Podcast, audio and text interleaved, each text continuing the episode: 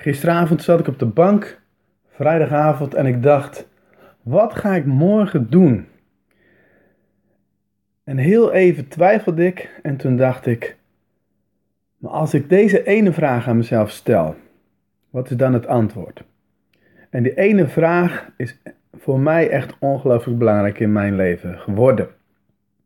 En dat is de vraag: wat zou ik doen als ik wist dat ik nog één jaar te leven had?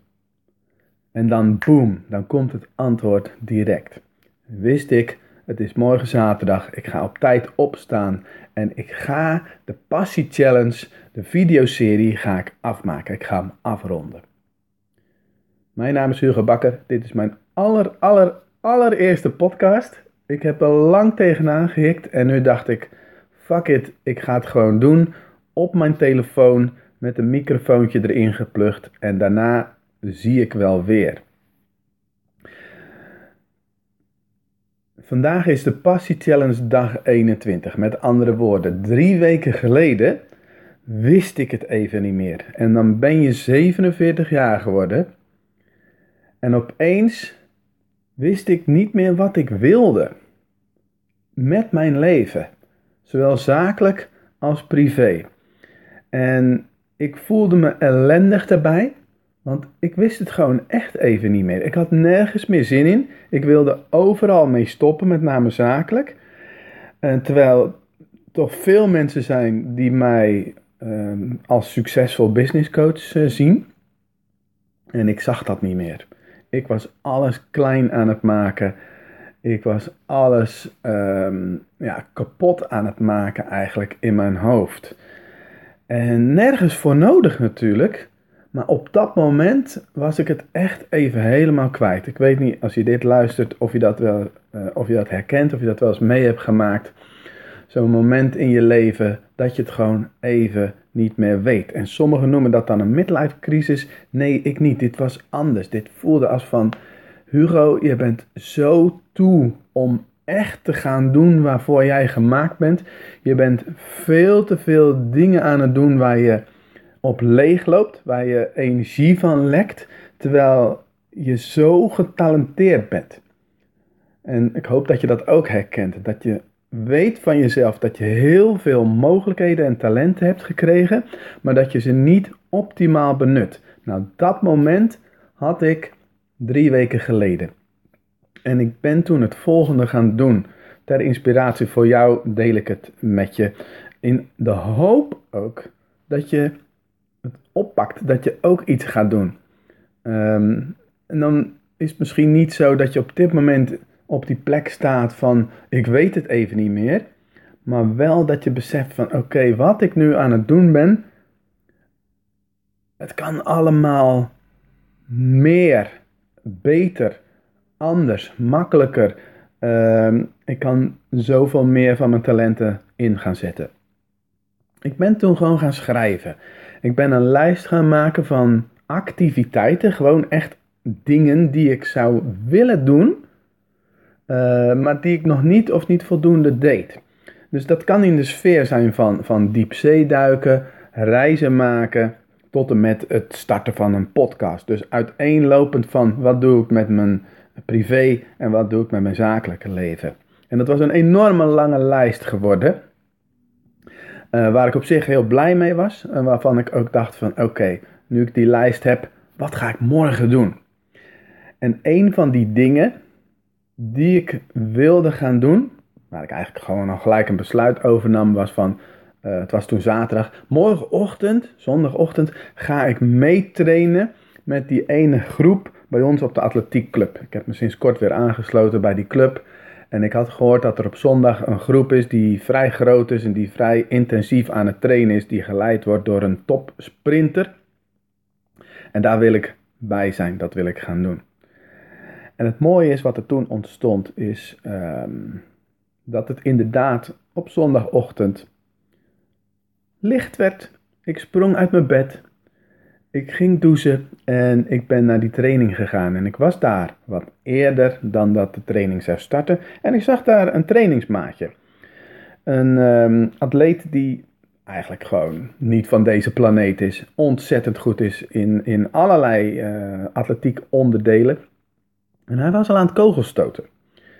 Dus ik ga er even bij staan. Ik kijk of ik wat aanwijzingen kan geven. En ik kijk ook die kogel aan. En ik denk, oh, wat zou ik jou graag wegstoten. Dus ik pak die kogel op en ik voel pijn in mijn rug. En ik heb al echt al heel lang pijn in mijn rug. En ik ben uh, nou ja, aan het herstellen. Oftewel, het gaat echt de goede kant op nu. Maar ik voelde die pijn, die stijfheid in mijn rug en ik leg die kogel weer neer. Ik geef nog wat aanwijzingen en ik kijk nog een keer naar die kogel en ik denk, ja potverdorie, ik ga eventjes door die pijn heen. Ik heb zo'n zin om die bal weg te stoten en ja hoor. Wat leuk is, die gozer waar, ik het net over had, die is ongelooflijk goed in tienkamp. Alleen kogelstoten, nou, dus ik stoot die bal eigenlijk gelijk twee meter verder dan hij doet. En ehm, ja, dat gaf me echt het gevoel van, yes, ik kan het nog, wat is dit gaaf. En het magische wat uh, toen gebeurde was, uh, Jurgen die stelde de vraag van, Hugo, zullen we niet samen tienkampen gaan doen? En wat was nou net dat ene wat ik ook uh, op mijn lijst had gezet, tienkampen doen. Eigenlijk iets waarvan ik niet meer geloofde dat ik dat überhaupt nog zou kunnen doen. Maar dat vuurtje werd weer wakker. En vervolgens begon die training. Ik vroeg of ik mee mocht doen aan die trainer.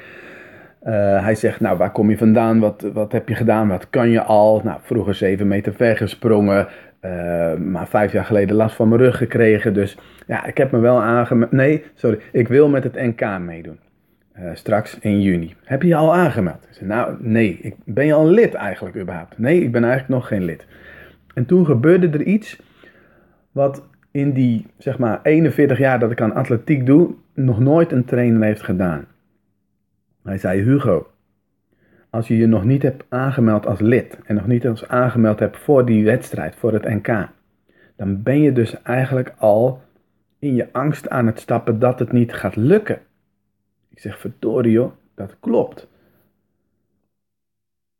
Ik besefte onmiddellijk dat ik al aan het creëren was dat het niet zou gaan lukken.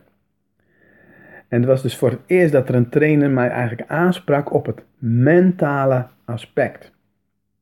En ehm, toen dacht ik, oké, als ik vanavond thuis ben, ga, eerste wat ik ga doen is mezelf aanmelden als lid en me inschrijven voor die wedstrijd. Nou, dat heb ik uiteraard ook gedaan. Maar die training die ging nog verder. Ze zijn aan het inlopen, oefeningen aan het doen, sprintjes aan het trekken. En die trainer kwam weer naar me toe. Hij zegt, Hugo, viel me op dat jij je sprintje niet afmaakte. Ik zeg, ja, ik voel een heel klein beetje last in mijn hamstring. Hij zegt, oké, ehm, maar als jij het sprintje niet afmaakt, dan train jij dus je brein om dingen niet af te maken. Dat je niet voluit hoeft te gaan en dat je dingen niet afrondt. Hij zegt, luister naar je lichaam en loop uh, zo hard als je kan, oftewel niet heel erg hard. Voel aan wat je lichaam kan, maar maak het af. En ja, ik vond dat een magisch moment, omdat ik het zo herkende. Niet alleen uh, op die training, maar ook gewoon zeg maar in mijn hele leven, in mijn business.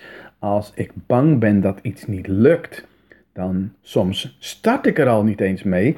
En um, als ik zie dat mijn resultaten niet goed genoeg zijn, niet zoals ik zou willen, dan stop ik ermee. Oftewel, dat is een patroon. En dat zie ik ook echt terug in de afgelopen jaren. En um, ik dacht echt, wauw, dit is een mooi begin van mijn Passie Challenge. Dat was dag 1 als het ware en uh, prachtige dingen zijn er al aan het gebeuren. Dag 2, um, ehm, de Passie Challenge. Ik dacht, oké, wat ga ik doen? Wat, wat, waar heb ik zin in? Wat vind ik onwijs leuk? Uh, dus los van geld verdienen, wat ik moet doen voor mijn huidige klanten, wat er in mijn agenda staat, waar heb ik zin in? Wat wil ik nou per se gaan doen? En toen dacht ik, ik ben die passie challenge aan het doen. En ik vind het gewoon super leuk om die passie challenge te gaan delen met de wereld. En ik was dat al aan het doen op social media. Eigenlijk op Facebook had ik al een poster opgezet van jongens, uh, ja, nou ja, passie challenge. En Toen dacht ik, weet je wat, ik ga een videoserie maken. Oftewel, uh, opt-in, mensen kunnen met uh, naam en e-mailadres achterlaten, krijgen ze de eerste video. En een dag daarna krijgen ze de tweede video. Dus wat gebeurt er? Op het moment dat ik daar zin in kreeg, dacht ik, yes, bam, ik ga aan de slag. Wat, wat, wat, hoe werkt het dan bij mij? Die pagina Ehm, waar mensen naam en e-mailadres moeten kunnen invullen. En de video en de tekst die erbij hoort. En de mail die er achteraan gestuurd moet worden. En de video met opdracht Passie Challenge dag 1. Het stond binnen twee uur. En als je dit zelf al eens een keer gedaan hebt. Of uit hebt moeten besteden. Dan weet je. Dat, dat, dat zijn best een aantal acties die je moet uitvoeren. En dan kom ik in de flow. En dan ga ik het doen en dan ben ik ermee bezig en dan vind ik het leuk. En dan ga ik vervolgens, als dat klaar is, ga ik het delen met de wereld. En wat ik nu losgelaten had, is dat er nou per se gelijk duizenden mensen die Passie Challenge moesten gaan volgen. Nee, ik wilde het gewoon in de wereld gaan brengen en ik ben mijn proces gaan delen. Um, mijn Passie Challenge dag 3 kwam, dag 4 kwam, dag 5, 6, 7 enzovoort. En soms had ik zin om iets te delen en soms niet. En soms had ik zin om Facebook Live te doen en soms niet. Soms een plaatje, soms een stukje tekst. Soms weer de volgende video voor in de videoserie. En vandaag, eigenlijk zojuist, heb ik de laatste video gemaakt die dan verstuurd wordt op dag 14. En voor mij was het dan vandaag dag 21. Ik was klaar. Um, ik wilde eigenlijk opruimen en toen dacht ik, oké Hugo, die podcast, die podcast, die moet er gaan komen. Of het nu de Passie Podcast wordt of de Hugo Bakker Podcast, de Succes Podcast. Ik heb de domeinnamen, ik heb het allemaal. Geen enkel probleem. En nu gaan doen. Eigenlijk datgene waar ik altijd goed in ben, is gewoon door te doen en daarmee mensen te inspireren. En ik heb dan misschien even een tijdje vastgezeten in wat wil ik nu eigenlijk en hoe wil ik verder? Wat wil ik gaan doen? Uh, ben ik tijdens deze Passie Challenge een stuk zelfonderzoek gaan doen. Uh, ben ik erachter gekomen dat, nou ja, dat ik op een manier in elkaar zit wat me soms in de weg zit. Uh, maar dat ik ook de veerkracht heb om daar weer uit te komen. En dat ik het super tof vind om dingen te delen met de wereld. En uiteindelijk, ja, door dit te doen, door te gaan vertrouwen door de zorgen die ik misschien heb los te laten, gebeuren de mooiste dingen. En in deze Passie Challenge is bijvoorbeeld ook ontstaan dat we een huis gekocht hebben. We hebben een droomplek die we, uh, uh, nou ja, waar we over een paar maanden in gaan trekken. We hebben maandenlang achter elkaar gebeden, uh, mijn vrouw en ik, hardop voor, voor het slapen gaan van mogen we een prachtige plek vinden met veel rust, ruimte en natuur. En we hadden al een plek op het oog en die hadden we al op Funda bekeken. En op een gegeven moment, omdat we elke keer die rust, ruimte en natuur aan het bidden waren, viel ons iets op. En daar wil ik mee afsluiten voor mijn eerste podcast. En uh, ter inspiratie, want ik geloof dat, uh, of je het nou de kosmos, het universum of God met een hoofdletter noemt, wat misschien niet allemaal hetzelfde is, maar toch, voor mij is het allemaal vrij ja, onbegrijpelijk. Maar Um, dit is wat er gebeurde. We keken nogmaals naar dat huis en we lazen de tekst en opeens viel ons de woorden op dat het huis en de tuin eromheen, 3200 meter, dat dat veel rust, ruimte en natuur bevatte. Ik zeg tegen mijn vrouw, moet je nou eens kijken. Deze plek is echt voor ons. Wat is voor jou de plek op aarde? Wat wil jij gaan brengen? Wat is voor jou de betekenis die jij wilt hebben voor jouw omgeving?